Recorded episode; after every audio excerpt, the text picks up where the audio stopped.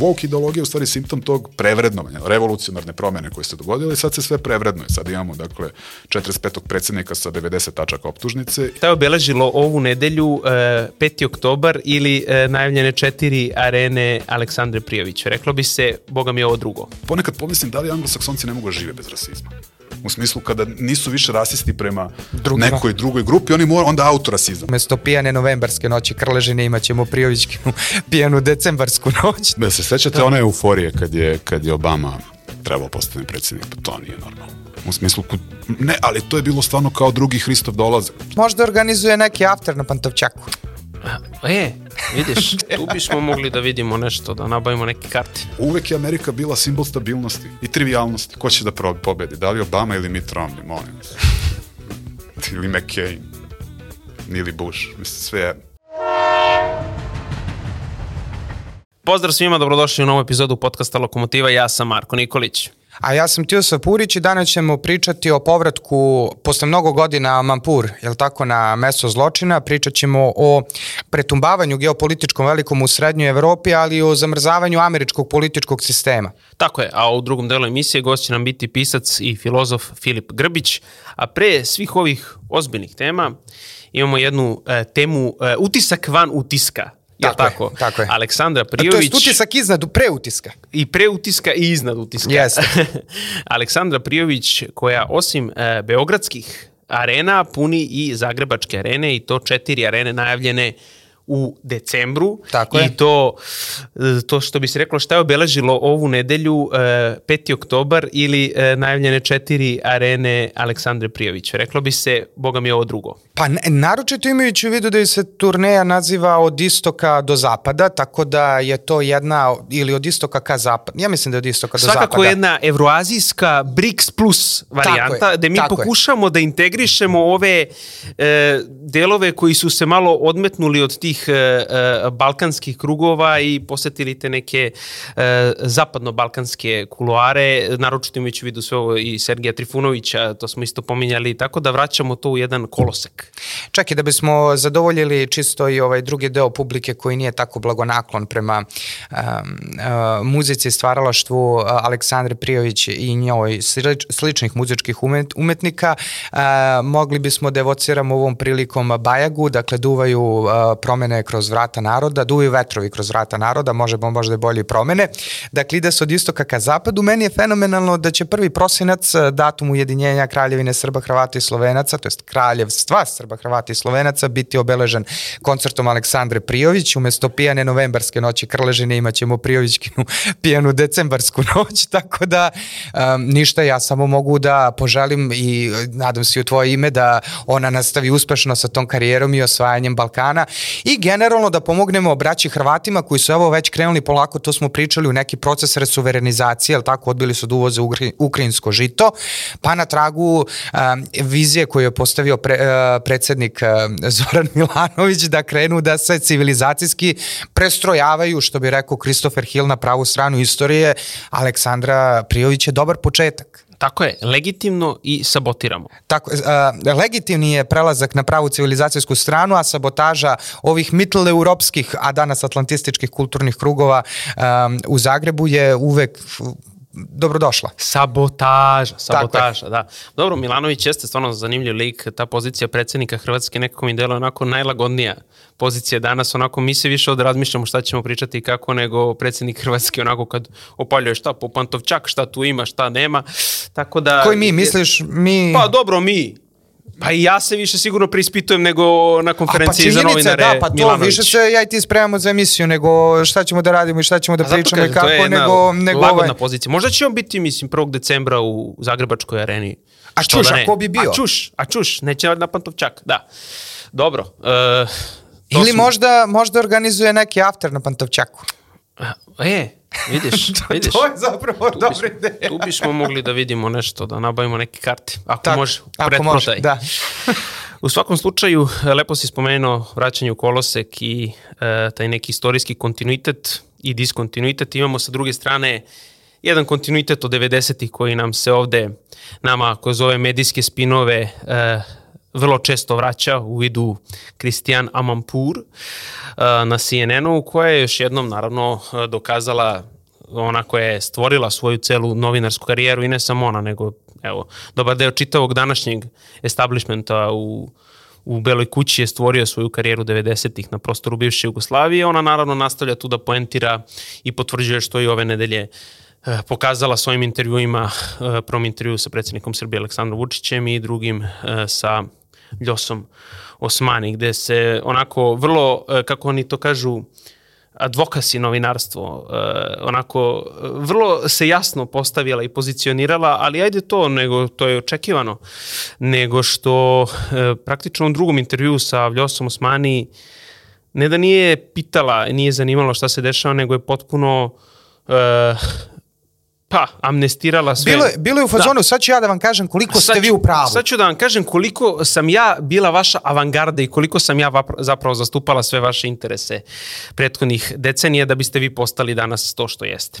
Uh, ja gledajući te intervjue, ja sam samo meni, sve vreme sam razmišljao o uh, onom, onim hollywoodskim niskobudžetnim filmovima sa, sa vampirima i onoj Pekićevoj kako upokojiti vampira, jer mislim ne radi se tu ni o Kristijana Mampur, nego to je njihovo što ti kažeš prakse advokasi novinarstva koje je zapravo dugo bilo predstavljeno kao najobjektivnije novinarstvo i kao nešto što, na što bi svi trebalo da se ugledamo uh, kao na neku vrstu norme. Uh, ali sve, nekako mi se čini da je sve to istrošeno. Mislim čak i, i, i kad se uzme na neki način i, i intervju i neki narativ koji je onako poprilično uh, pomirljiv, ali to je već sad estetska stvar, uh, ne politička ovaj, um, toga kako je naš predsednik nastupao uh, u tom intervju, ali čak i sa tim, znači sa tim nekim njegovim defanzivnim stavom se um, možda i to još preogolilo koliko je zapravo besmislena čitava, uh, čitava ta njihova propaganda, jer uh, to je ono što smo pričali sad da se dešava generalno um, sa mas medijima. Evo ja, ja to ljudi mogu i da provere te statistike, koliko ljudi sluša Joe Rogana, a koliko ljudi sluša Mampur, koje je nekad bilo ime. Ovo je jednostavno neki drugi drugi svet. Prvi srpski predsjednik koji bude otišao kod Rogana, e, taj će odraditi dobru stvar. Ili prvi u bilo kojoj formi zastupnik, zastupnik srpskih, srpskih, srpskih interesa. Ako uopšte postoji potreba da se ide tamo da se govori, jer to je malo na kraju krajeva ista situacija kao sa Aleksandrom Prijović stalno o, o, ljudi koji kritikuju tu vrstu stvaralaštva pa navode kao primjera vidite šta Albanci rade, oni imaju uh, Rita Oru, imaju koje se na kraju okiti srpskom zastavom, imaju Ervis Refi, imaju onu kako, uh, kako se, Dua Lipa, uh, njima je to potrebno jer oni ne mogu da generišu u svom u, u svojoj javnosti neku zvezdu koja bi mogla da uživa takav status kakav među Srbima i među na tom bivšem jugoslovenskom prostoru imaju te zvezde koje su srpske. E, zbog toga što mi jednostavno kao kultura imamo imamo načina da generišemo to ta, na tom nivou taj spektakl i, i, i, i estradu. E isto je tako i sa politikom. Ovaj, bit, mnogo je bitnije nekako da mi ovde što smo negdje pričali u našem specijalu zapravo um, stvorimo svest o tome da ta Mampur više nije ništa. To, um, um, to je sad ona, onaj odnos relativne moći dok je ona bila uh, zapravo megafon šeste flote, to je imalo nekog smisla.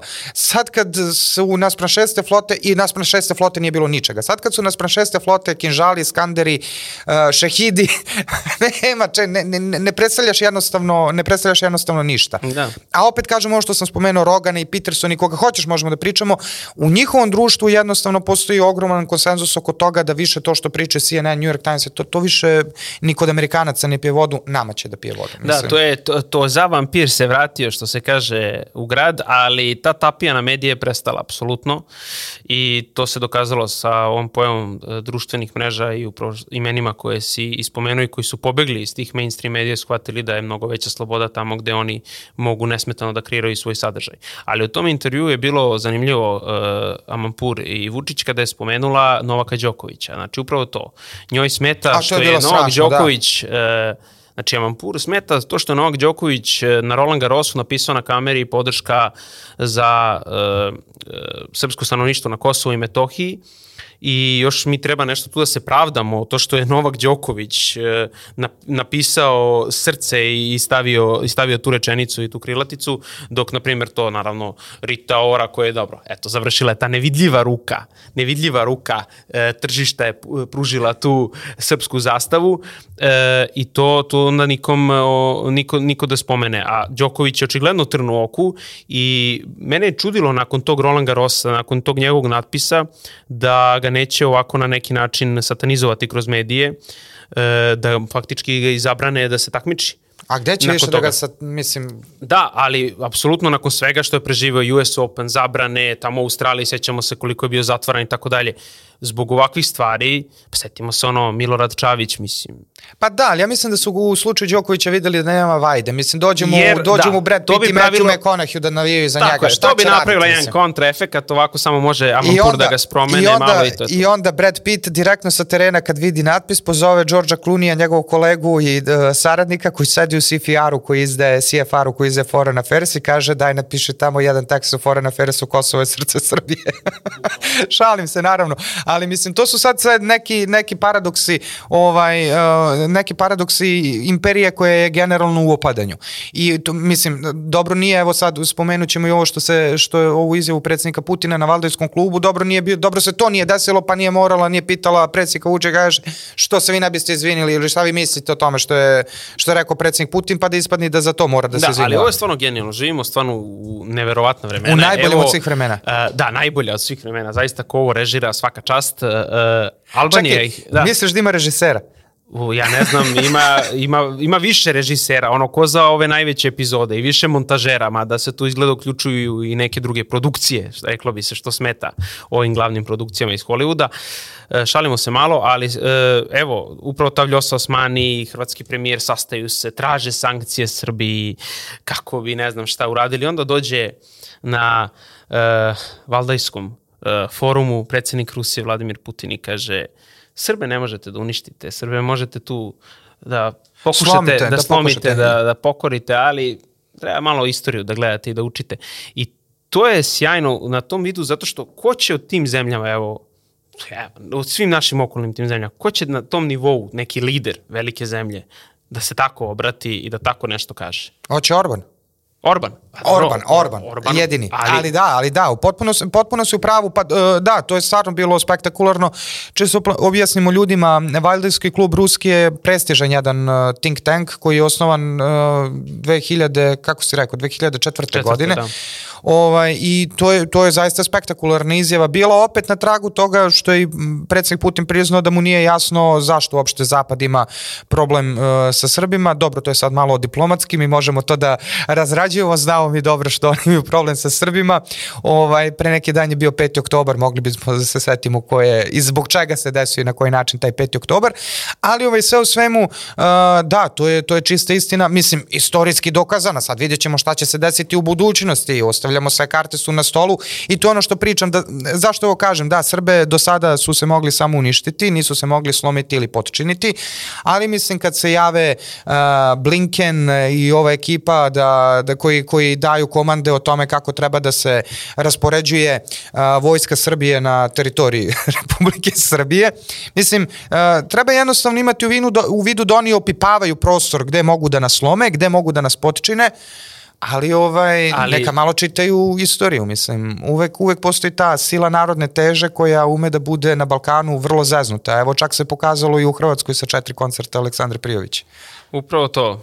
Ali, džaba Tuđmanov tisućetni sam. Ali kada se opet šefovi NSA-a, State Departmenta interesuju za to gde je srpska vojska raspoređena, možemo samo da kažemo sa velikom srećom da nismo deo te neke močvare e, onako koja i žabokrečine koja je onako ravna i bez ikakvih talasa, nego smo i dalje neko ko očigledno nije dovoljno po meri tih zapadnih hegemona i možemo samo da budemo ponosni što je ta prava strana istorije i dalje naša strana istorije. Kad se spomenuo Žabokrečinu, bio je znakovit ovaj evropski, evo, ova evropska politička zajednica. Uh, summit evropske političke zajednice, da, da, European Political Community, ne u Španiji što je bilo, ovo u juče. Grenadi. Da, u Grenadi, ja sam te čuo u Kanadi, da, da, da.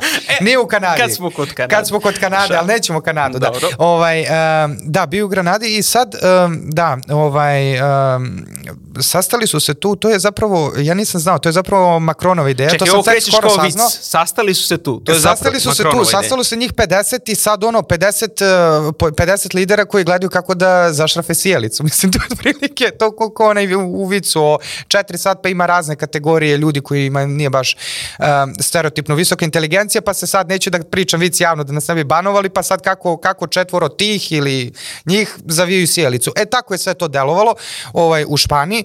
Uh, u principu tu niko nije uradio ništa, svako je želo sve.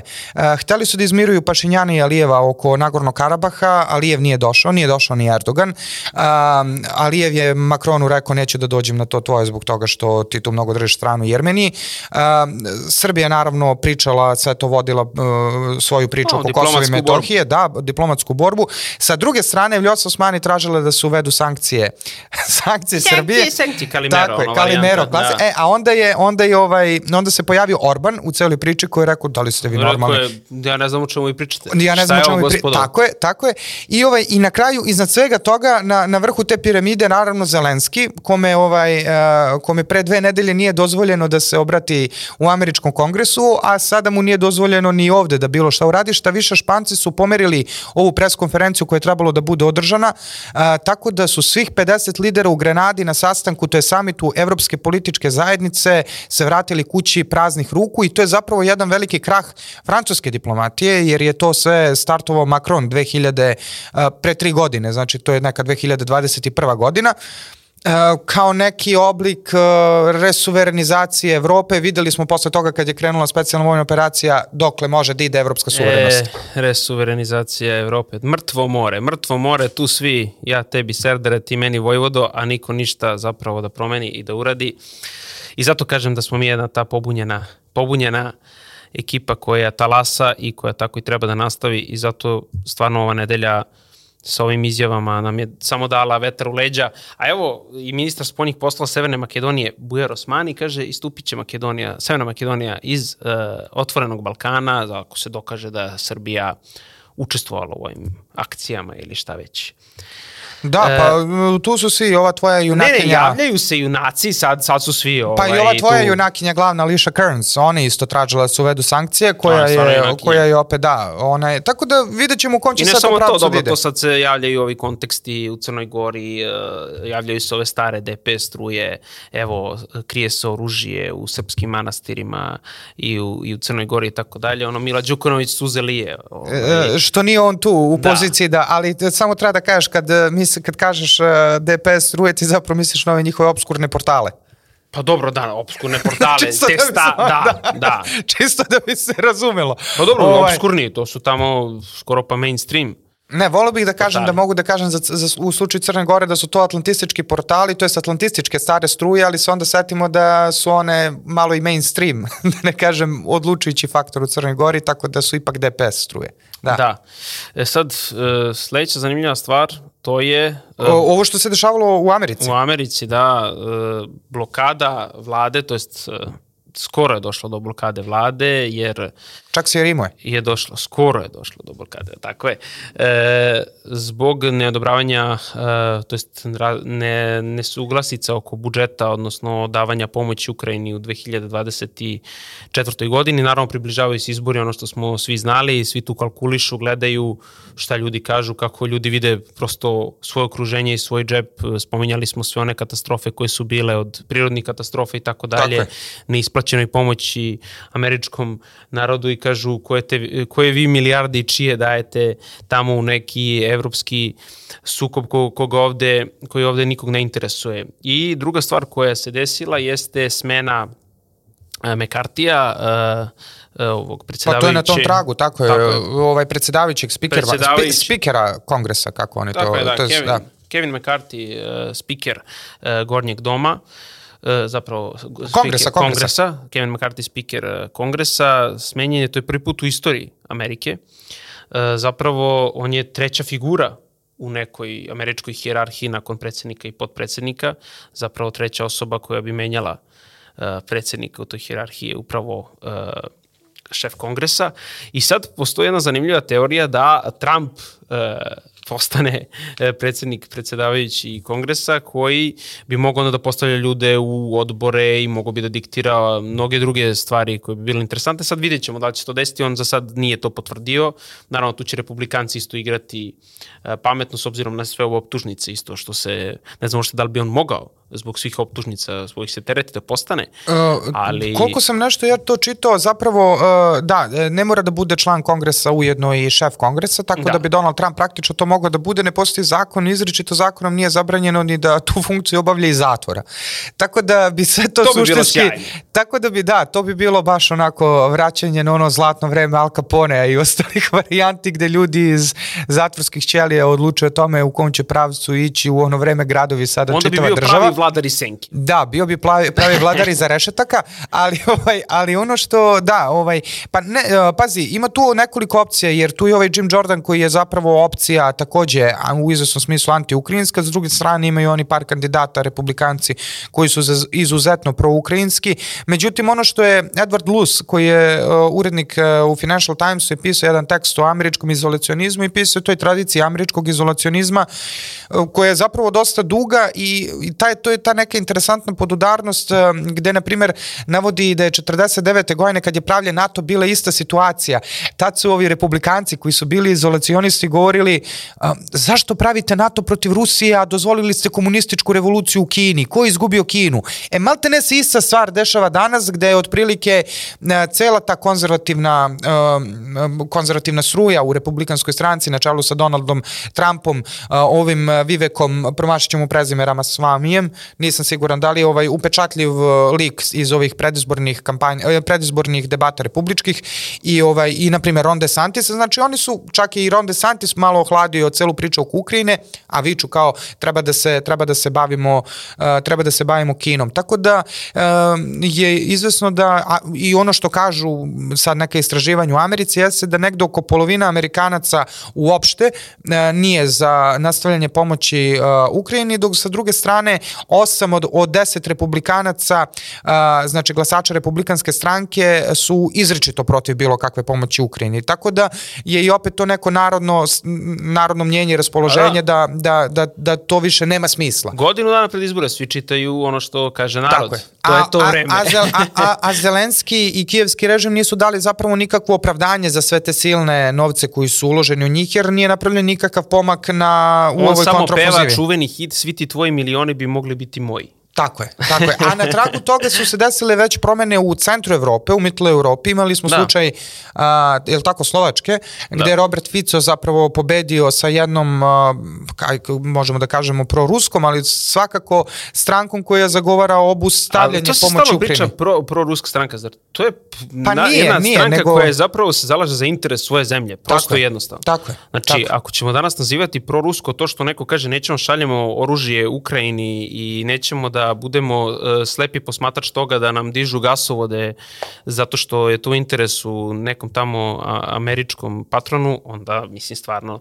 Pa vidiš, da su, mi... me, vidiš da, da su me kontaminirali da, ovi zapadni da, mediji da. potpuno, tako da, a, tako da ovaj, ono, što, ono što je izvesno jeste da eto, te Slovačka koja je bila među prvima koja je isporučivala i isporučile gotovo sve zalihe MiGa-29 ovaj, neće, neće više davati pomoć Ukrajini. Poljaci koji su do sada dali 4 4 milijarde u Ukrajini isto tako imaju zategnute odnose, sećamo se počelo sa žitom, da. nastavilo se sa time. Vidjet kako će, da li će moći da formira vladu, naravno, uh, jedan od prvih koji mu je čestito je Viktor Orban. Tako je. Tako ali je. i Milorad Dodik. Tako, tako je. da ta osovina uh, raste, što se kaže, samo... Evo, pa kažem ja pro ruska, ti sa...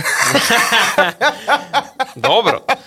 Šalim se. Ovaj, može i tako da se nazove, ali... Možemo da ih nazovemo suverenistima, eto. Apsolutno, ljudi koji gledaju nacionalni interes svoje zemlje, koji očigledno Europska unija sve manje će tolerisati jer evo i ovo što je najavio Viktor Orban da će naravno uložiti ukoliko treba veto ukoliko se pokrene ovo pitanje sankcija Srbiji uh, i ovo da Evropska unija hoće zapravo da ukine to i da se samo pravom preglasavanja odlučuju stvari. Što Tako je, je. što onda rušenje svih onih početnih osnova Europske unije, onda mislim svaka zemlja ima i pravo da istupi iz takvog saveza.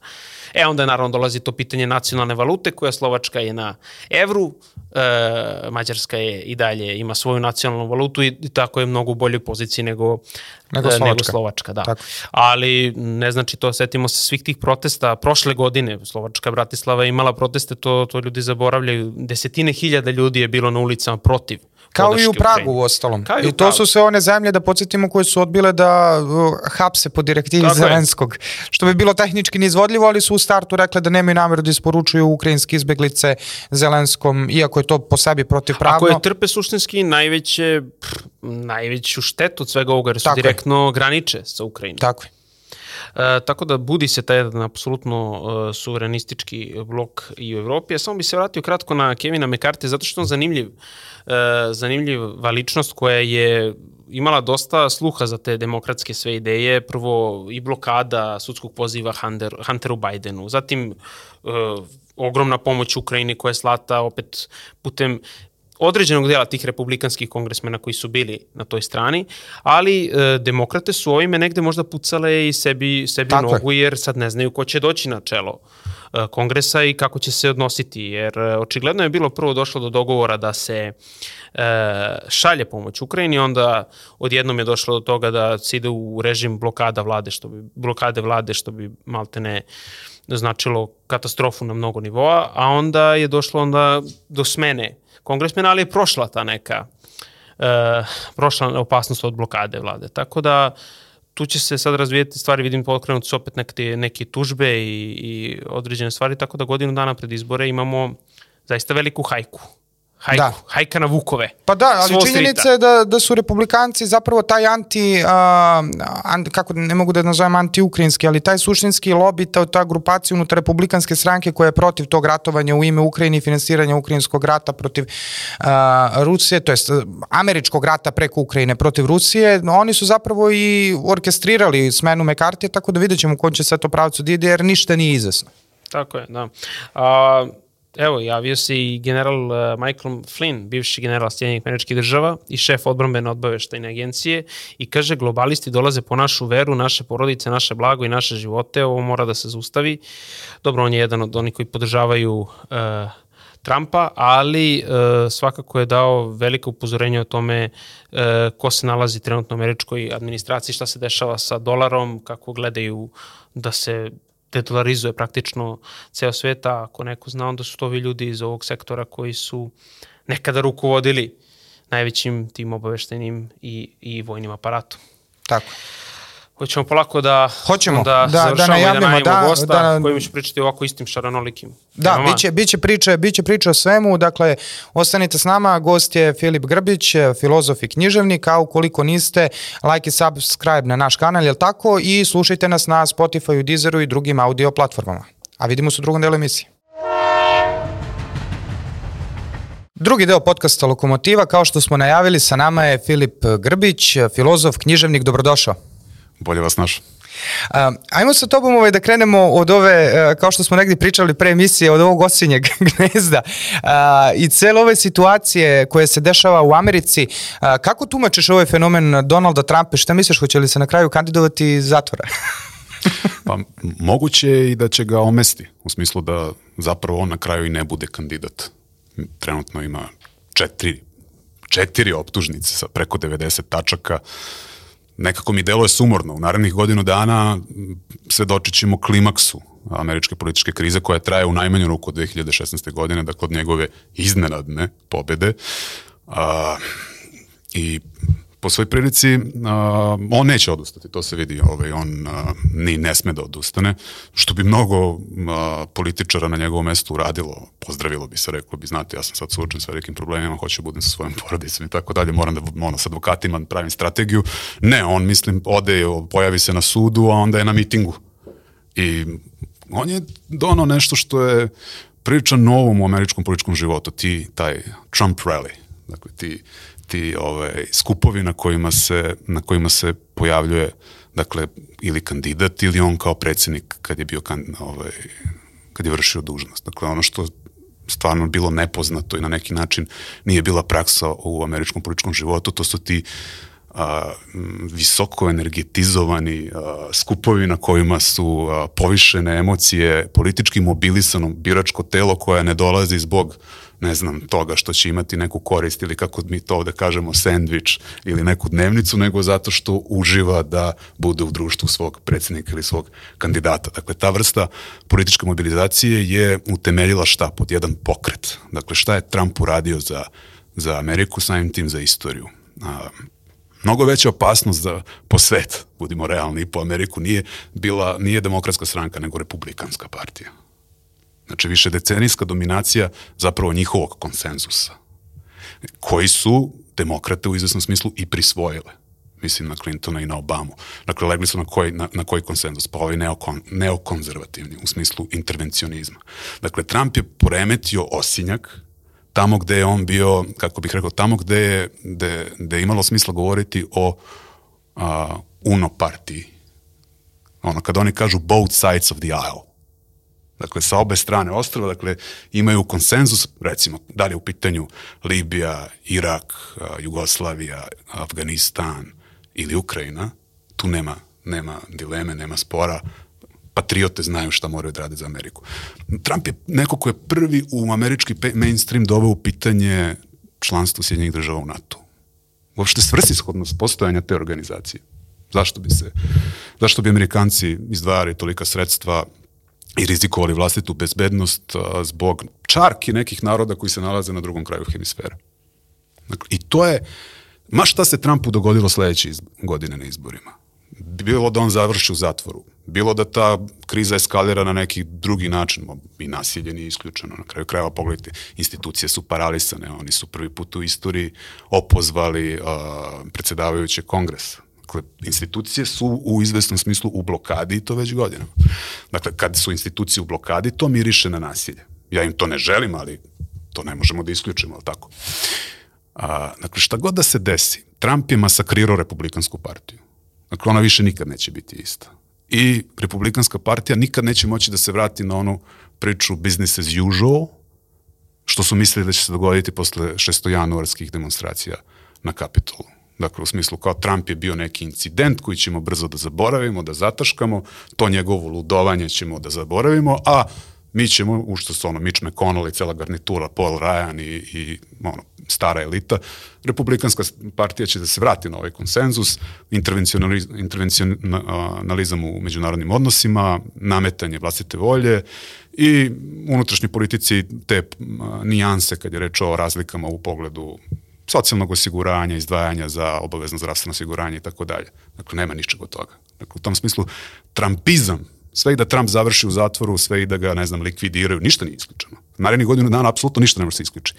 Dakle, sve i da, da on lično ne učestvuje na izborima ili na njima ne pobedi ili, ili uđe, Trumpizam će nastaviti da proganja kao neki ovaj a, kao neki duh a, a, republikansku partiju i američku politiku kao takvu. Zato što su ti uvidi i njegove teze i njegove politike zapravo ušle duboko postale su popularne.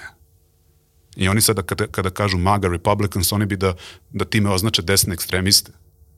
Ali ispostavlja se da je najmanje 40% njihovih birača sada su desni ekstremisti. I tako, mislim, Newsweek je pisao pre nekoliko dana o tome kako, ovaj, kako je FBI zapravo svoje, re... znači Newsweek definitivno nije desni medij, nije Breitbart. Dakle, Newsweek a, je pisao o tome kako ovaj, se FBI je usmerio sva svoje sredstva zapravo za nadzor i praćenje a, Trumpovih birača. Dakle, oni su trenutno a, bezbednosni problem broj jedan a, najmoćnijeg bezbednostnog aparata sveta. A, to je čuveno, NSA uvek prati više Amerikance nego sve druge na svetu. To nam je rekao još Snowden. Eto, eto da, u ovom, u, u ovom slučaju to, mislim, kako bih rekao, do sad smo navikli da su to neki, uvek neki drugi bili. U smislu neki, u nekom liku islamskog teroriste, na koje, za koji možemo kažemo da je njihov izum. A, a, dakle, sredstva su se uvek usmeravala na to da otprilike neko s polja preti Americi. A ovog puta je pretnja sada unutrašnja i to ih ozbiljno ove, ovaj, to ih gura u ozbiljnu krizu i koliko vidim sve su luđi. U smislu a, ponašanje njihove elite ne ide ka tome da da napravi neku vrstu konsenzusa, ustupaka, da eventualno prisvoje neke od ovih politika za koje se zalažu, koje su popularne u, u, ovaj, u konzervativnom biračkom telu, ne. ne. Oni idu samo luđe, nasilnije i mi sad imamo situaciju da je Amerika, da u Americi godinu dana pred izbore a, imamo progon najperspektivnijih kandidata. Dakle, pravosuđe je se zlupotrebljava za obračun sa političkim neistomišljenikom. Pa zamislite kako bi Evropska unija, šta bi Bilčik i Tanja Fajon radile da bi imamo tu situaciju ovde. Zamislite šta bi ti, zamislite sve te kreature, sve te evroposlanike, kakve, kakva bi pisma ljubav napisala u Brisel ove, povodom toga da se tako nešto ovde događa.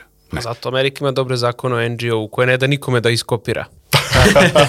da, jeste, svi bi da usvoje taj zakon o stranim agentima koje kod njih... A da postanu neprijatelji. da, jeste. Ali možemo da kažemo da je 2016. izvršen taj neki legitimni, tihi državni udar, načet, taj uh, osinje, to osinje gnezdo zapravo koje do dan danas traje. Njemu je Donaldu Trumpu 2016. se uh, zapravo negde i e, ne dozvoljava da vlada. On je sve vreme optuživan kako je e, špijun, kako je neko ko je došao na vlast e, zahvaljujući upadu e, ruskih bezbednostnih službi i tako dalje. Onda 2020. su rekli e, opet će biti e, kradeno i tako dalje.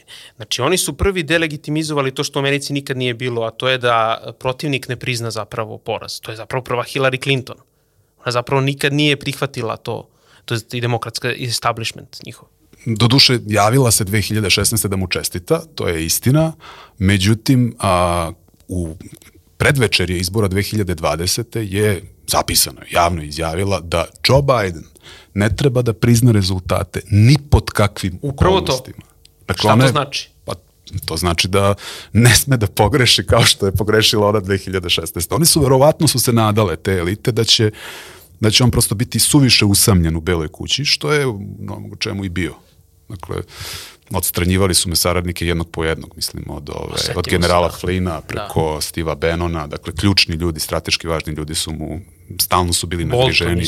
Bolton, da. ovaj, Rudi Giuliani, dakle, prosto ljudi na koje se on mogao slanjati u policiji, a s druge strane su ga ovi koji su mu dodeljeni, Bill Barr ili, ili ovaj, Pence. kako se zove, Pence. Pence. Da. To su prosto bili, kako bih rekao, a, stvorenja iz močvare, tim rečnikom rečeno. Koja, e, ti mi smo spomenuli u prvom delu močvaru. da, da, dobar je da. izraz, mislim. A, on nije ispunio svoje predizborno obećanje da će isušiti močvaru, ali očigledno za to nije dovoljno da imate jednog čoveka koji ima porodicu. I četiri godine, i četiri godine da se baviš mandat. unutrašnjim stvarima, pritom i spoljna politika i sve drugo. Mislim. Bukvalno on je bio pod baražnom paljbom, još nije ušao u Belu kuću, već je bio pod paljbom, već je bio pod istragama, a, ovaj, a sada se zaista možemo reći da, se, da smo zabrinuti za njegov život zbog toga što pa nije slučajno FBI počeo ovako da se bavi time. Zašto? Pa oni su egzistencijalno ugroženi. Ako on sad bude, jer on je sad čovek koji ima mugshot, znate, on, on kao, kao, kako bih rekao, kao čovek iz geta. Dakle, predsednik, 45. predsednik je slikan u zatvoru, ima zatvorsku fotografiju. Dakle, posle toga, kako bih, doveli su čoveka do, do ivice. I on je sad obećan, javno govori da će da napravi lom, u smislu da će da donese zakone, potpiše ukaze koji će temeljno da restrukturiraju politički Vašington. Onaj permanentni Vašington, takozvanu duboku državu. A zapravo njega Pre svega i... FBI i te, da. i te strukture. I oni su sada egzistencijalno ugroženi. Oni moraju po svaku cenu da se pobrinu da on nikako se ne vrati tamo. A kakva im je to taktika? To negde ga i projektuju ga za protivnika. Mislim, ovim svim izlaganjima, optužnicama i tim zatvorskim fotografijama, da li mu onda oni i boostuju njegov rating i, i hoće pa, ga ili, ili Marko, sad, to je jako čudno. Ali zar ne misliš da oni uporno greše kad je on u pitanju? Pa upravo to. Uporno greše. Dakle, od 2016. mislili su, ma nema šanse ovaj čovjek koji se ovako ponaša za govornicom i vređa druge kandidate. Ko pa ko, Amerikanci to neće prihvatiti. Amerikanci su oduševili. Napokon neko ko nije profesionalni političar, ko on priča manje više što svi žele da čuju nekim on, tihim, ciničnim tonom, a u stvari jedno misli, drugo govori, treće će da radi. U stvari su se ljudi od toga umorili, muka im je od toga, a umeđu vremenu je zemlja deindustrializovana, radnička klasa je u katastrofalnom stanju, čitave države i regije kao zapadna Virginija i Pensilvanija su ovaj, opustošene nezaposlenost i fentanil. Dakle, Fentanil, tako je. Tak, tako je ta epi, epidemija fentanila, to, to zloupotreba droga i tako je. Dakle, umeđu vremenu se Amerika promenila prilično, upravo zbog tih globalističkih politika koje su njihove elite vodile i pojavi se čovek koji, na, koji je paradoks istorije, ja, meni, ne, mene to ne prestaje da zabavlja. Mi uvek, da, kad pomislimo na heroja radničke klase, pomislimo na nekog proletera, neku batu životinju, nekog čoveka koji je poniku iz tih slojeva i koji zna kako je težak život. Ne, ovaj čovjek je živo u luksuzu, on, on čovjek, kako sam kaže, nikad nije zamenio pelene, a ima onoliku decu.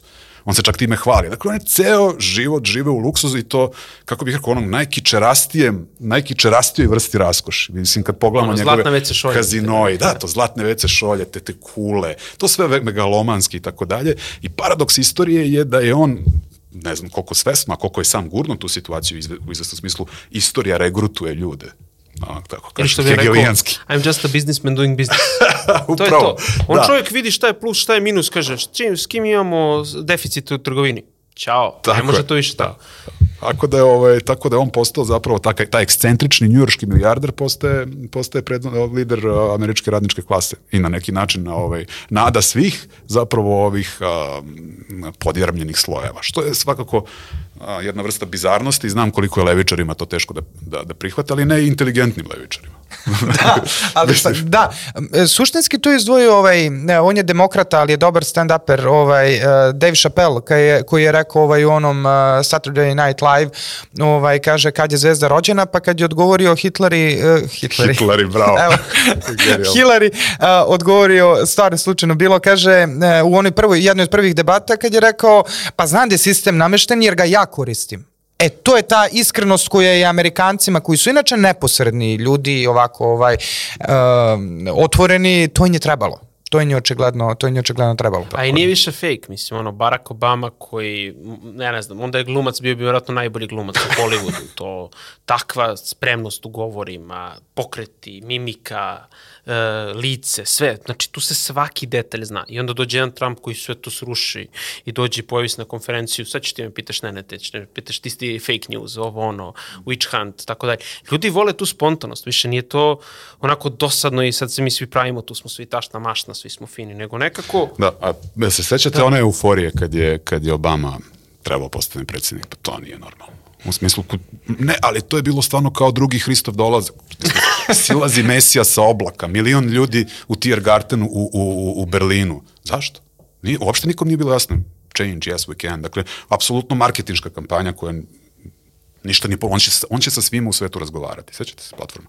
On će sa svima u svetu razgovarati. Razgovarao je dronovima. Dronovima, dakle, da. Ovaj, a, I ispostavilo se da je svet koji je ostavio Barack Obama je bio ne, neuporedivo opasniji, nasilniji, protivrečniji i nejednakiji. Dakle, ovaj, rasno motivisano nasilje ovaj, u, i uopšte Black Lives Matter pokret nastaje u to vreme. Dakle, u smislu ovaj, prvi protesti nasilni afroamerikanac u Americi su dogodili pod njegovim, za vreme njegovog mandata. Dakle, položaj, položaj afroamerikanaca se za vreme a, predsjedničkog mandata afroamerikanca ni najmanje nije na bolje promenio, nego naprotiv na gore. Dakle, ljudi, i ljudi su sve to videli. Dakle, ljudi su videli kako jedan umiveni, visoko obrazovani, kako bi se to reklo, nekorektno beli crnac, u smislu bez omalažavanja i prema belcima i prema crncima, ali zna se šta se tu mislilo. Dakle, prosto čovjek koji je naučio a, da govori i da se ponaša kao pripadnik belačke elite u toj zemlji. To, I izvini, to, u vrhunski. Ugandi zovu kokos. Kokos je. Da, na novu reč. Svaki dan nešto nauči. ovaj, dakle, da- se vratim na Trumpa. Dakle, oni su pogrešili u apsolutno svakoj prognozi. Pod jedan, da će takav nepristojan kandidat nešto moći da uredi na izborima. Rasturio ih. Prvo je rasturio republikanca, onda su i dalje bili tako zombirani, grogi, išli na izbore, ovaj, ko je bio? News, uh, New York Times je objavio, počeo da štampa ono, Madam President naslovnu stranu bilo, bilo osam, sećam se veče pred izbora, 8. novembra 2016. oni prognoziraju 8% ima šanse da pobedi. Dakle, nešto se dogodilo i verovatno su narednih četiri godine su upregli sve svoje resurse koje su imali, a nemaju oni male res- resurse na raspolaganju, da im se ta greška više ne ponovi. I gled čuda, 2020. početkom 2020. pojavljuje se novi virus. Zar to nije neobično? Ma, kako bih rekao, ovaj, sad, neko će sad ma kaže teoretičar zaver i tako dalje. Poslednji sam koji prati rad obskurnih novinara i tako dalje. Stvarno ne, nema potrebe. Ali, ali, ovaj, Ali ali ciju. upadljiva je koincidencija. Upadljiva je koincidencija. Sve i, da, sve i da je spontano. Sve i da je virus se pojavio slučajno tada. Jedno je sigurno. Da nije bilo virusa i onolike medijske panike zbog tog virusa, ne bi ni bilo glasanja putem pošte. Da nije bilo glasanja putem pošte, Joe Biden izvesno nikad ne bi a, pobedio na tim izborima. A kako je proglašen pobednik? Pa ne u, u večeri izbora, nego su ga mediji proglasili nekoliko nedelja kasnije. Poraz nikad nije bio priznat. Dakle, ako kad jedna strana koja je pritom osvojila 75 miliona glasova ne prizna poraz i nastavlja, ide na izbore, sad prosto je pitanje. Prvo, šta očekuješ od tih izbora ako su prošli bili a, pokradeni? A zašto ne bi ovi bili pokradeni? A tako? I šta će se desiti ako ponovo kažeš da su pokradeni? Ja prosto kad, kad gledam u budućnost Amerike, narednih godinu dana mi je onako, kako da kažem, a, uvek je Amerika bila simbol stabilnosti i trivialnosti. Ko će da pobedi? Da li Obama ili Mitt Romney, molim vas. ili McCain, ili Bush, mislim, sve jedno. Sve jedno, zna se da će, da, da će sve biti isto, da će da uteruju ovaj, tomahavcima demokratiju širom sveta, da će ovaj, pritiskati ovaj, male konzervativne zemlje da organizuju prajdove, koji nisu ništa drugo nego balovi za kolonijalne gospodare. Mislim da se prošetaju i slikaju malo i tako dalje. Ništa oni ne pobažu ne znam, homoseksualcima ili tako dalje. To je, služi tome da se prosto, da se na tom balu vidi ko pripada ovom odabiru čovečanstva, boljem delu našeg društva, tako? Pravoj strani istorije. Tako je. Dakle, prosto bilo je trivialno. Više nije trivialno. U Americi više nije trivialno ko, ko vrši vlast. I uporno mu oti, pokušavaju da mu otmu tlo pod nogama. Evo, ovo je Kevin McCarthy. Pa i on je stvorenje iz močvare. Ali ne, oni više ne mogu to da izdrže. Oni taj pritisak iznutra ne mogu da izdrže. Republikanci bi prvi, radije nego demokrate, bi se rešili Trumpa. Oni bi ga se prvi rešili mnogo radije, ali ne mogu. Tako da, i sve i da ga se fizički reše, ostaće trampizam i ostaće ta popularna politika koju će neko drugi sigurno preuzeti zbog čega? Zato što je postalo pragmatično. Na kraju krajeva u politici preuzimaš ono što prolazi, tako? Pa ne sam slogan Make America Great Again. Jako da, delotvorna. Pojavio se na kraju krajeva i ovaj Vivek, sad opet mi, opet mi je pobeglo prezime Ramasvami, je li tako? Tako nekako, da. Jeste. Ovaj, uh, koji, je, koji je u predizbornoj, u predizbornim debatama koje je Trump gostovao, kako bi rekli klinci, ovaj, i otišao kod Takera Carlsona i ukrao im show, ali u predizbornim, u predizbornim tim debatama gde su bili okupljeni DeSantis, uh, Vivek i mnogi drugi, ovaj, Vivek je zapravo tu nastupio sa trumpističkih pozicija. Jeste. E sad, ono Pa i što... Ron DeSantis je u suštini pokušavao da mu preotme Da. platformu kad je reč o CRT-u, o obrazovnom sistemu, a, transaktivizmu, a, odnosu prema granici, meksička granica, ali čim je dao izjavu u Ukrajini, Da. Čim je proglasio Ru- Rusiju, kako je rekao, pa šta, a to je, ove, kaže, čak je on prvo rekao teritorijalni spor, a Rusija je i onako kaže, kako, ovaj, benzinska stanica s nuklearnim oružjem. Da, to Borelj A vole da nakon ponavlja. toga je rekao da, da je Amerika mora da se posveti Ukrajini, gotovo. On je istog časa njega, on je strmoglavio mu se rejting. Tako da. I evo Kevin McCarthy, ovaj, predsjedavajući kongresa, je pao na Ukrajini. Bukvalno na tome. Tako da, On je zapravo bio jedan od onih koji je demokratama najviše odgovarao na toj poziciji. Zato je sad čudno Tako je. šta će doći nakon njega. Evo sad, to smo pričali u prvom delu emisije. Jim Jordan, ovaj koji je, Da. koji je zapravo čovek uh, Trumpista do koske, ali ono što je interesantno, što sam hteo, ovaj, uh, da, jedna stvar za Ron DeSantis, ono gde mu ja skidam kapu, ne znam da si propratio to, on je zapravo ušao u rat sa Disneyem koji je bio na Floridi ovaj uh, država unutar države i on je ušao sa njima i tu mu je, ja, ja sam očekivao da ako je pokazao zube njima da će poka ali očigledno da, da Disney ipak nije veća duboka država od duboke države I, i još, sumnjama. još jedna stvar je izgleda očigledna, to je da, da u Americi ako niste milijarder ne možete voditi nezavisnu politiku. To jest Ron DeSantis zavisi od svojih donatora i sponzora i prosto viđenje u društvu Pola Rajana. Dakle, on jednostavno nije u stanju da finansira vlastitu kampanju, tako da na neki način ovaj, to, je, to je rezultat neoliberalizma poslednjih 20-30 godina. Dakle, ako u politici hoćete da uradite nešto stvarno, da isterate svoju stvar do kraja, morate da imate, ne, ne da budete milioner, milijarder. Jasno. I zato evo sad proces je Trumpu sada obaraju vrednost imovine. To je sad ideja da se on zapravo, da ga demoliraju i finansijski najpre. Dakle, ove posljednje presude su imale za to cilj, da je on tobože uvećavao vrednost vlastitih nekretnina i svega što posjeduje.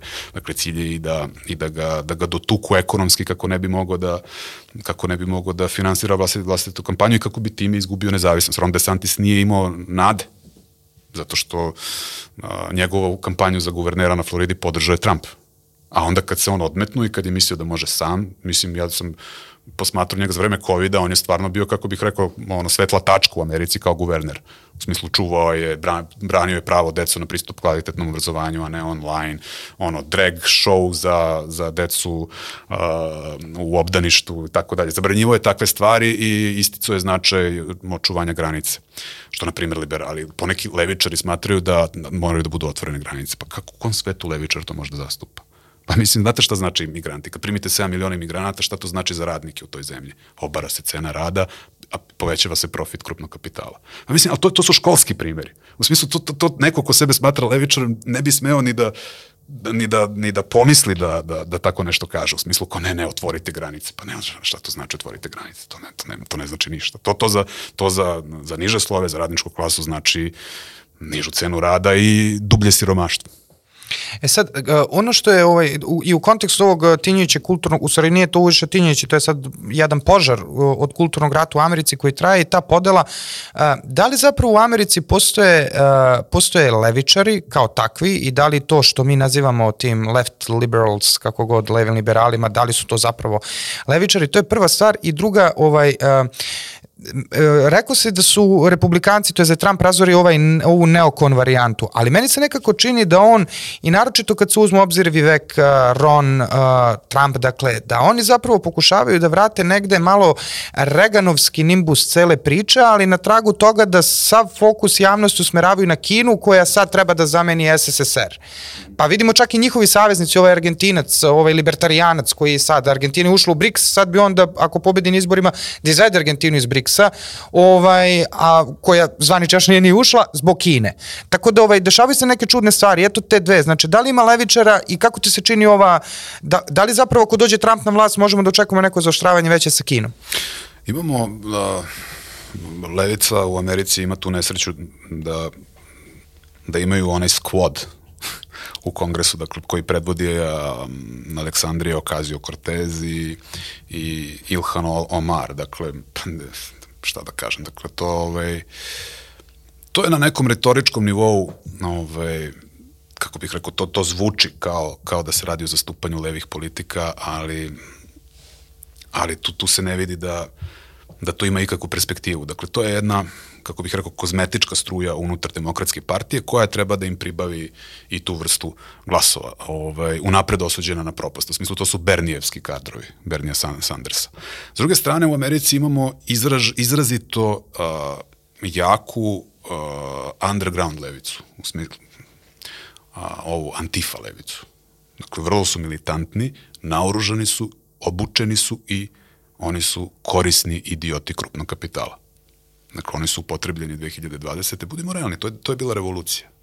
Ono što se dogodilo 2020. Dakle, što se završilo izbornom krađom, dakle, i, i ulaskom ovaj, demokrata u Belu kuću, je uspred tome, su prethod, tome prethodila nasilna revolucija. Dakle, ulični protesti u preko 40 gradova. Imali smo i one autonomne zone gde nije bilo policije. Imali smo dakle, ulične nasilje, ubistva, paljenja federalnih zgrada. Dakle, sve, u svemu tome Antifa, učestvovala, koja sebe smatra, oni su sebe smatruju jeli, anarhistima, radikalnom levicom, a zapravo su poput BLM-a korisni idioti na krupnog kapitala i pre svega demokratske partije. To je zato što je prosto postojala ta kampanja da je Trump fašista. Dajte mi jedan element fašističke politike kod Trumpa.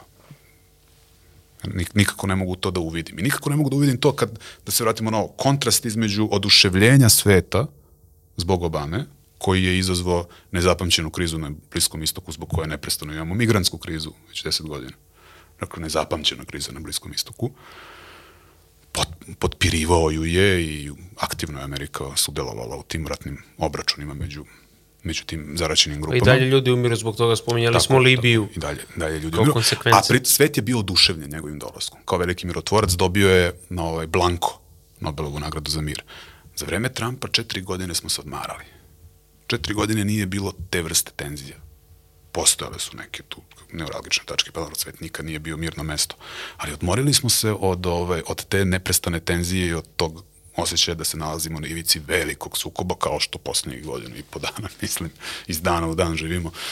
To, taj, taj stepen ravnodušnosti na poslednjih godinu i nešto dana javnosti prema toj mogućnosti da stvara, a neverovatno lako stvar može da eskalira. Ovo, ova sad situacija. Neverovatno lako može da se desi da ovo eskalira u, u sukob globalnih razmera koji može da pređe u fazu o, gde će se koristiti oružje za masovno uništenje, dakle nuklearni sukoba, da je javnost potpuno pacifikovana. To je da nema pacifizma. Nema ga u javnosti. Nema, gde, gde su protesti? Sećam se kad je Amerika izvršila invaziju na Irak, naravno da niko nije ni pomislio da uvede sankcije Americi.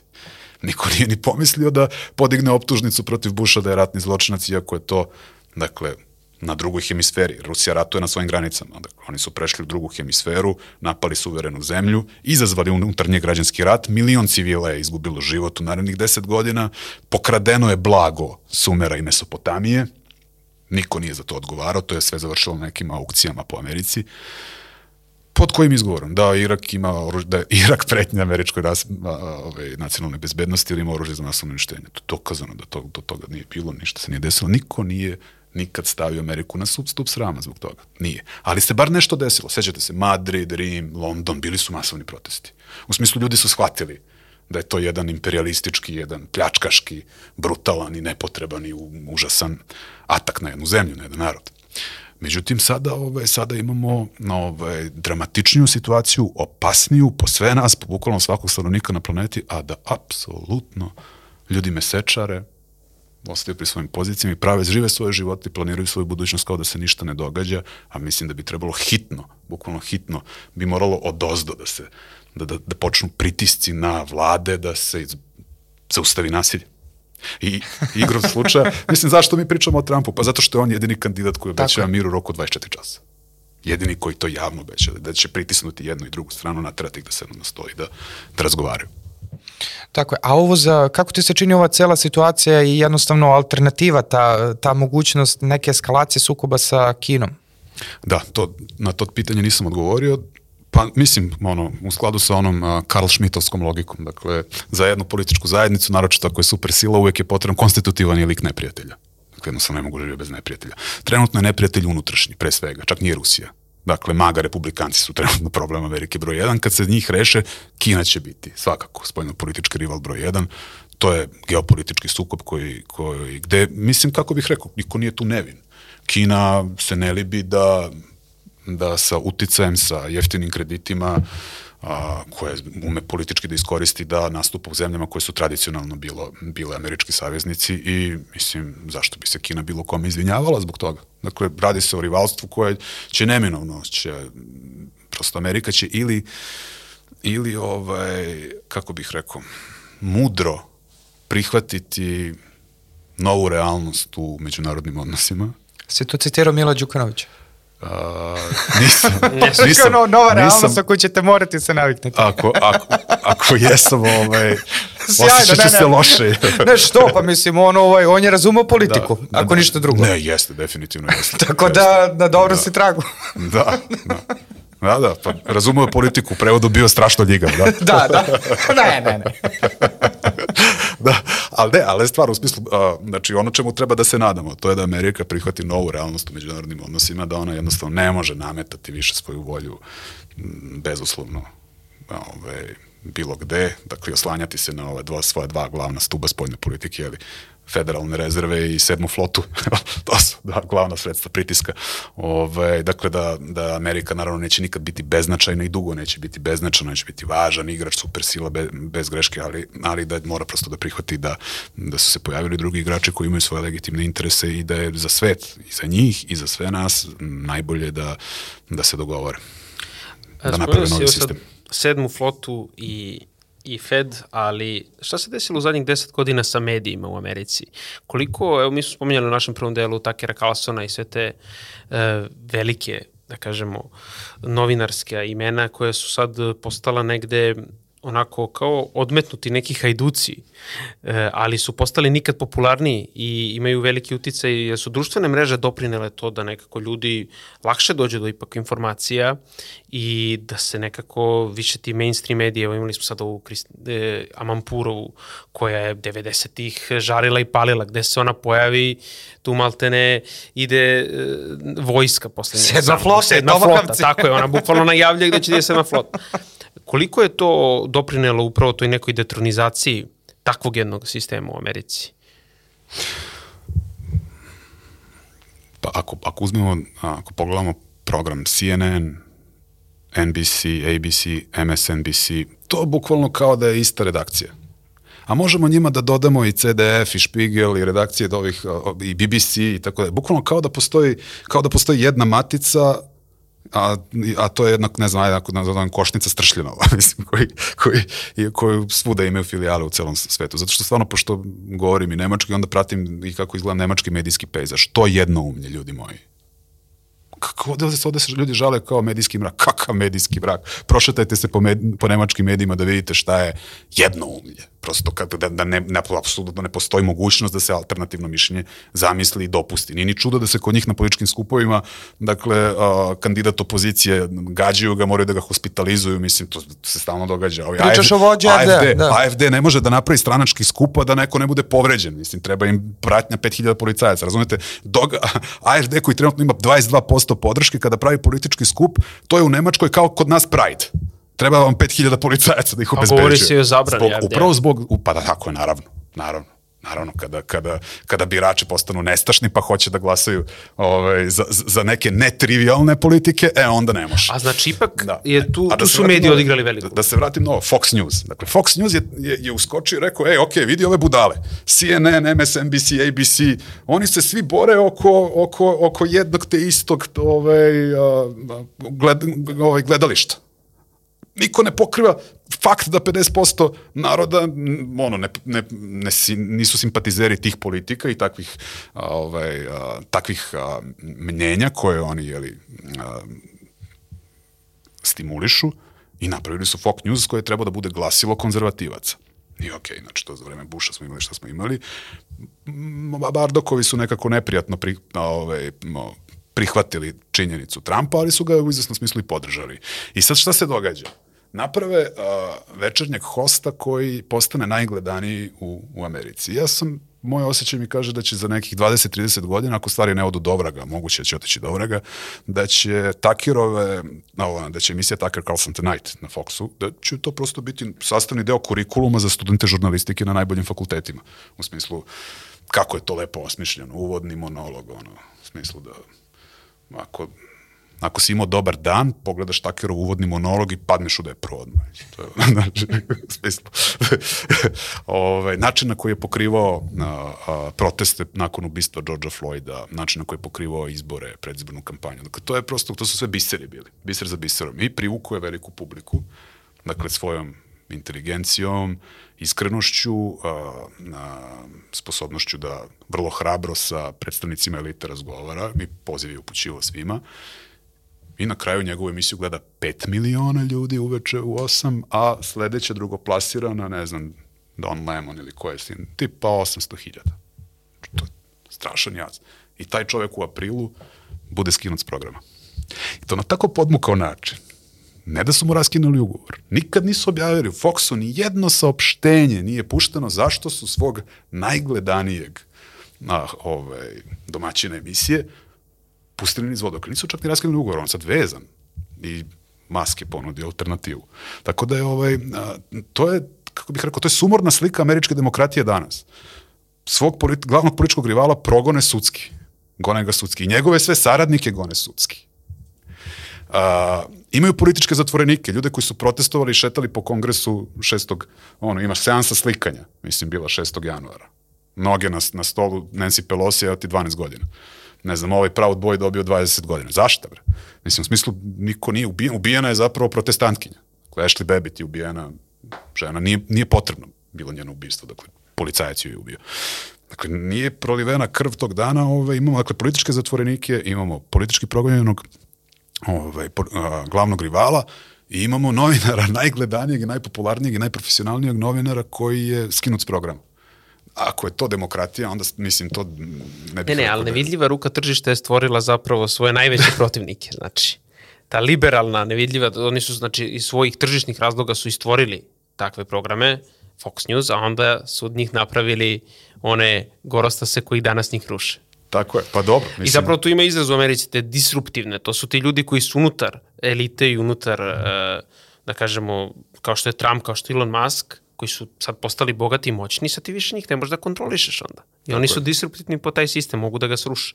E sad upravo kad smo kod Ilona Maska i spomenuo si ga, uh, on igra tu zanimljivu ulogu uh, i sa Twitterom i sa svojim uopšte ovim Starlink satelitima, dosta puta smo ga mi spomenjali u našim prethodnim emisijama. I sa Erdoganom. I sa Erdoganom, prosto, da, da, zaista je to su flamboyantna ličnost. Yes. To isto, da. Uh, šta je njegova uloga, je li on planira da se kandiduje u budućnosti da postane predsednik Amerike? Kako je tvoje mišljenje?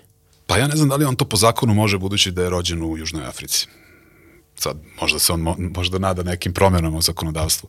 Jedno je izvesno, dakle on je najbogatiji čovjek na svetu i on a, shvatio igru. Da bi zaštitio svoj kapital, on mora da postane popularan. Dakle, bukvalno je kao da je gledao šta je Trump radio. Dakle, Trump je bio popularan mnogo pre nego što se kandidovao. Nekoliko puta je on dao signala javnosti, 20 godina pre kandidature još.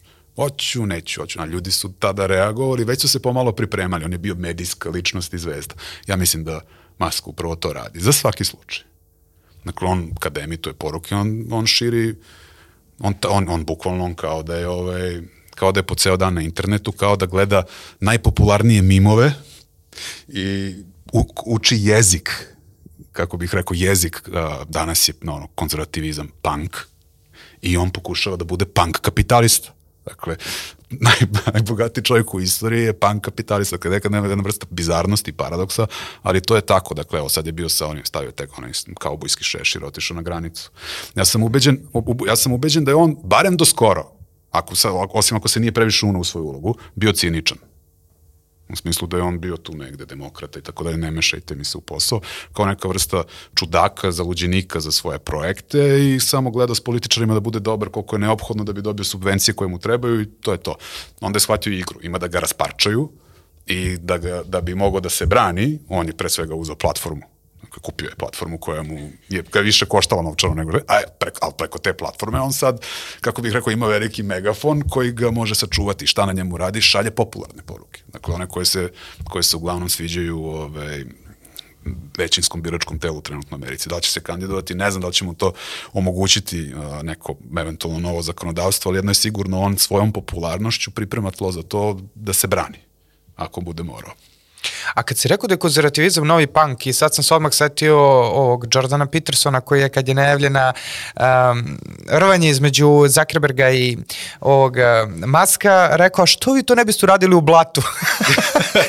u Rimu. Ovaj, I da to bude u Koloseum u Rimu i onda su, naravno ništa od toga nije bilo, ali Peterson je naučio malo da to koristi, ako on ovaj više voli da rabi svoju uh, ulogu, kako bih rekao, tog nekog malo patetičnog, malo ovako ozbiljnog, A on, malo... Ako ne pusti suzu ništa da, da, da, malo suzican iz obraz i tako dalje, ali e, kako ti se generalno čine ti kulturni ratovi koji su počeli da se, to, to je počelo ozbiljno da se preliva na, na, na, na sve strane e, i čak mislim da se mnogo više preliva i zbog ovog, kao, kao reaktivno zbog ovog Hollywooda koji je potpuno okupiran Vogue.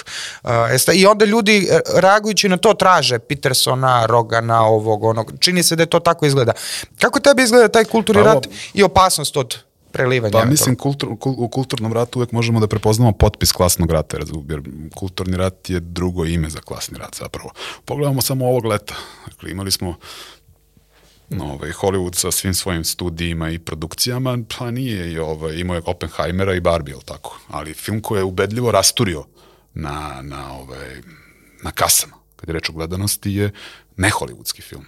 Sound of Freedom, koji su svi ocenili kao desničarski film je tako, sa Jimom Caviezelom, koji je upravo tematizovao ovaj, jedan, jedan ovaj, kako bih rekao, jedno opšte mesto desne kritike establishmenta. Ko je? Pa to je da se radi o, o, o zaveri pedofila. Je tako?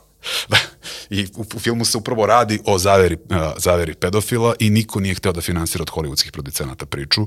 Međutim, ovaj, čini mi se, Mel Gibson je tu uskočio, tako a film je pokidao. Dakle, film je rastorio na kasama, isto kao ono, uh, ovaj, uh, Passion of the Christ 2004. Isto hollywoodski producenti nisu da da hrišćanstvo da radi i tako dalje. Nepopularna tema, šta da promovišemo Isusa i tako. Onda je Mel Gibson sam napravio film i opet rastorio, mislim, napravio globalni fenomen. Tako da imali smo to, imali smo ovu pojavu ovoga Olivera. Olivera Antonija, koji je, ono, znači, drugar mu pozajmio zvučenje i on uzu gitaru i, i, i otpeo pesmu ovaj, uh, Rich Man North of Richmond, koji valja 5, 10, 60 miliona pregleda i ono, u avgustu je to bila nešto, mislim kao opšti je bio hajp oko toga uh, šta se tu događa. Kristo nije čovek iz industrije, a bio je na ovoj, na, kako se zove, na ovoj glavnoj njihovoj... Na, MTV. Ne MTV, ne. nego ona, Breitbart mi u glavi, Aha. ali nije nego uglavnom na top listi Da, bio na top prvi. listama, da. Bio je prvi nekoliko dana na opštoj nacionalnoj američkoj top listi, dakle kad je reč o onom broju uh, downloada. Slušanja pregleda, tako, da. Pre, slušanje pregleda i tako dalje. Tako da definitivno uh, postoje, uh, postoji reakcija uh, i, i jasno je da, da postoji klasna dimenzija u tom kulturnom ratu. Dakle, očigledno je da, da su ovaj, liberali naklonjeni woke ideologiji, dakle i da podržavaju ovu vrstu a, revizije istorije, zapravo. Mislim, BBC-ev Ahil je podsaha, podsaharski crnac. Mislim, što je, kako bih rekao, neka vrsta provokacije u smislu niti a, crnci u Engleskoj ili u Americi imaju potrebu da se nadovezuju na nasledđe Homerove Iliade, a s druge strane ljubitelji epa ne mogu to da podrže zbog toga što Homer stalno govori o nekom plavokosom brzonogom Ahilu. Mislim, šta, ta, tako mu tepa. Homer ga voli.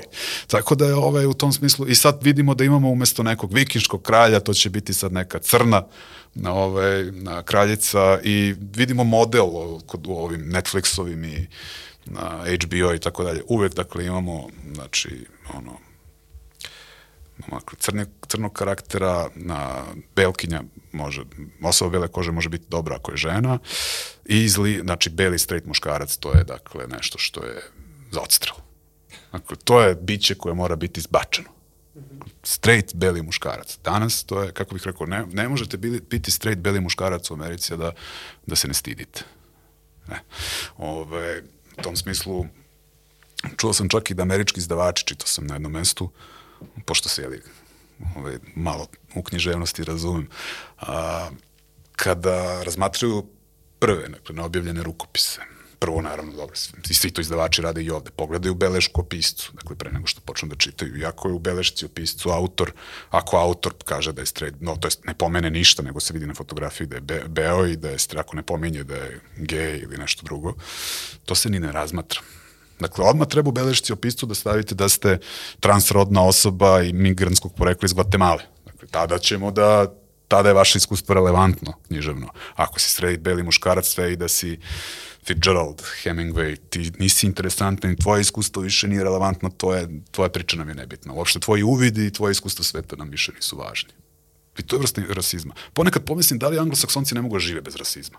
U smislu kada nisu više rasisti prema Drugi nekoj drugoj grupi, oni mora, onda autorasizam. Onda, onda, onda moraju da budu rasisti prema, prema, sad imamo fenomen belog rasizma. Ovo, Robin Wright je napisala knjigu, ona, Bela ranjivost, White Fragility. Te, šta je te za knjiga? Svi su belci rasisti. I to neizlečivi. Pa šta da im radimo? Da ih u logor strpamo. Šta da im radimo?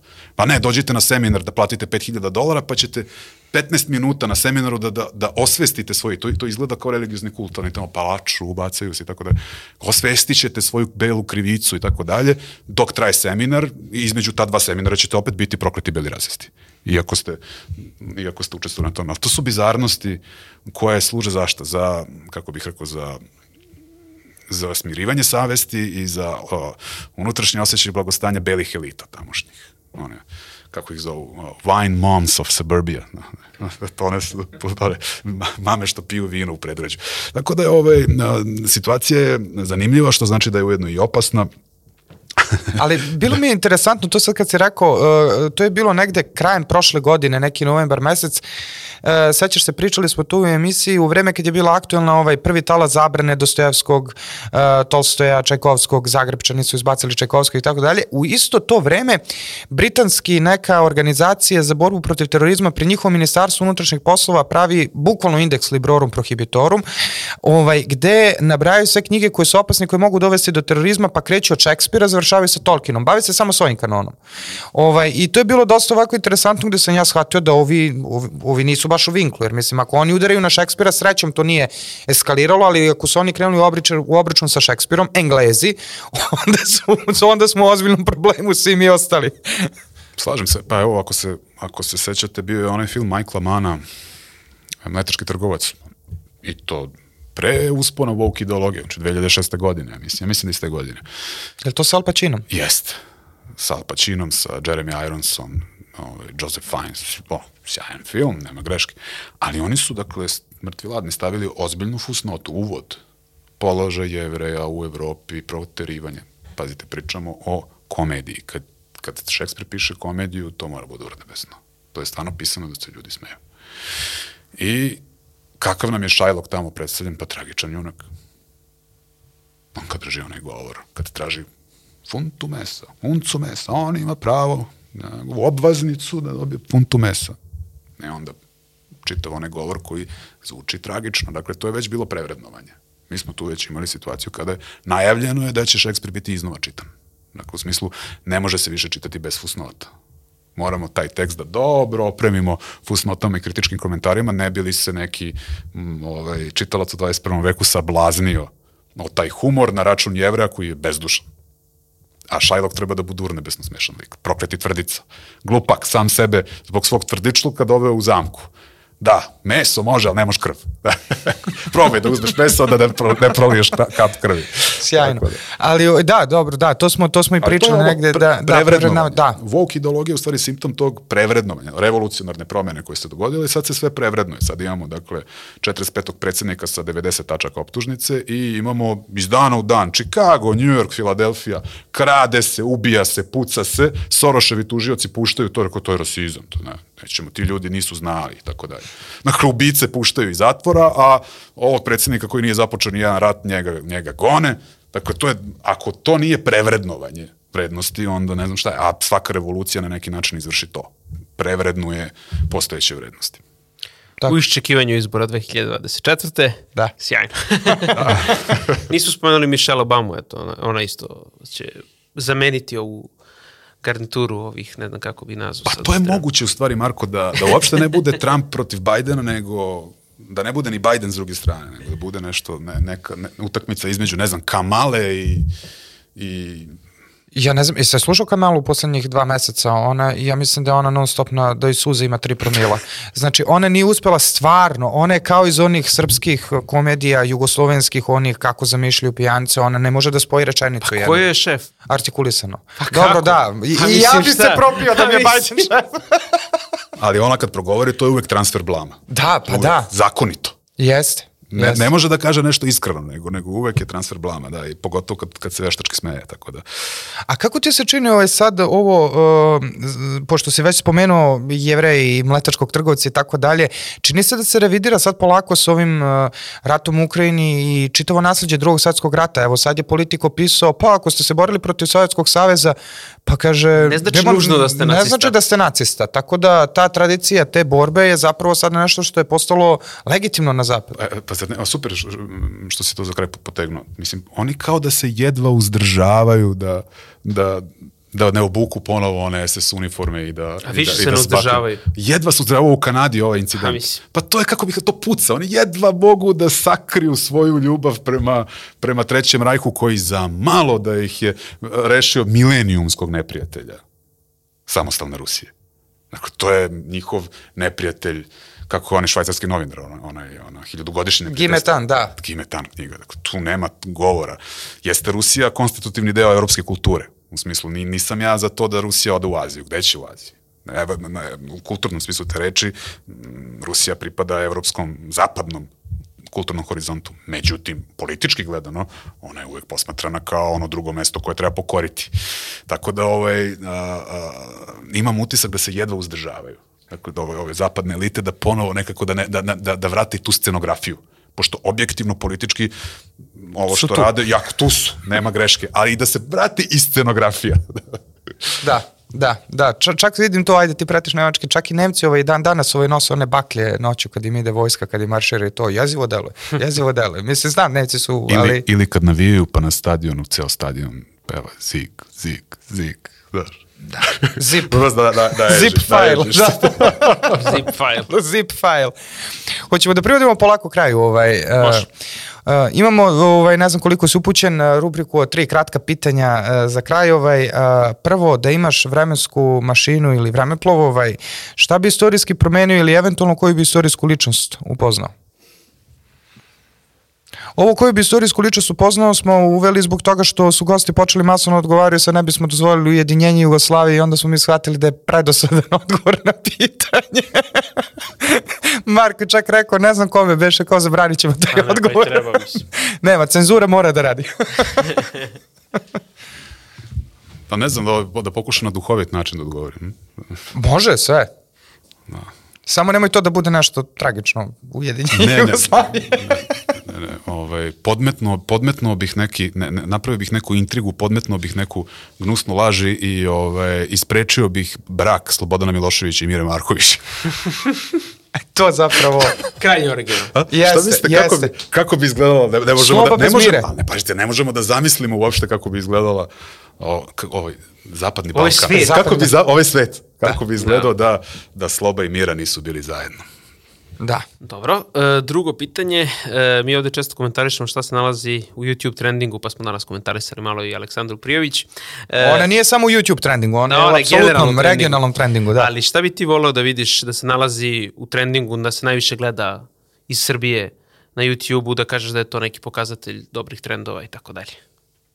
Joj, ba ne pratim ja to. Ne pratim Evo, ja to. lokomotiva. E, Može. može i Lokomotivu, tako. da, da, da stavite titul i da se, da se vaše emisije gledaju. Stvarno nisam, nisam ove, upoznat sa, sa ovim stvarima koje su na, na toj sceni kod nas popularne. Tako da neću neke štreberske odgovore da dajem. Da. Evo, ovo je zapravo prvi podcast. Mislim, prvi put učestvujem u ovom formatu negde. Da, nije tradicionalna televizija. I mnogo mi se sviđala je atmosfera, vi ste sjajni momci. tako Sjajno. Da, Hvala. Eto, želim vam uspeh. Hvala. E, I za kraj, tri stvari koje bi ponovno pustio ostrvo. A stvari ne mogu žive da budu. tako. Mm, Stvari, stvari.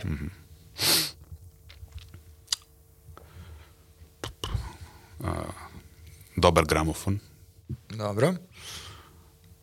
I sad ću ovako kažem. Beethovenova deveta simfonija iz 43. godine izvođenje Bernska filharmonija pod palicom Wilhelma Furtwänglera. A, šesta simfonija Čajkovskog iz 76. Ja mislim da je isto Berlinska filharmonija Herbert von Karajan. I Mahlerova prva simfonija, a, Kraljevski koncert Hebao orkestar pod palicom Danila Hardinga. Tri ploče da odslušam. Neće biti tiho. Sjajno. Pa da, neću dugo živjeti na pustom ostrovu, da, bar, Ne, pa zašto tako? da me Ne, pa ne, tamo je sve obezbeđeno tako da možeš da uživaš u kvalitetnoj, U kvalitetnoj muzici. U kvalitetnoj Tako muzici. A mi ćemo ti doturiti neku srpsku zastavu da izađe Srbija na more. Da poneseš. Ovaj, Što ćemo da zabranimo nama da ponavljamo više. da. ali mora, to je ali, do, genijalno. ali to je, ko je to rekao? Da. To je, to je ovaj, da, da, Dušan Dačić. Duš- Dušan da. Dačić, da. Uh, Pozdrav Filipe, za Dušana. Tako je, pozdrav za Dušana, tebi mnogo hvala što si gostio emisiji, nadam se da ti je bilo prijatno i da ćemo eto imati prilike ponovo da razgovaramo. Biće mi zadovoljstvo. A, dragi gledalci, dragi slušalci, bila je ovo Lokomotiva sa Filipom Grbićem. Ukoliko niste, like i subscribe na naš kanal, slušajte nas na audio platformama Spotify i Deezer, a mi se vidimo sledeće nedelje. Ćao!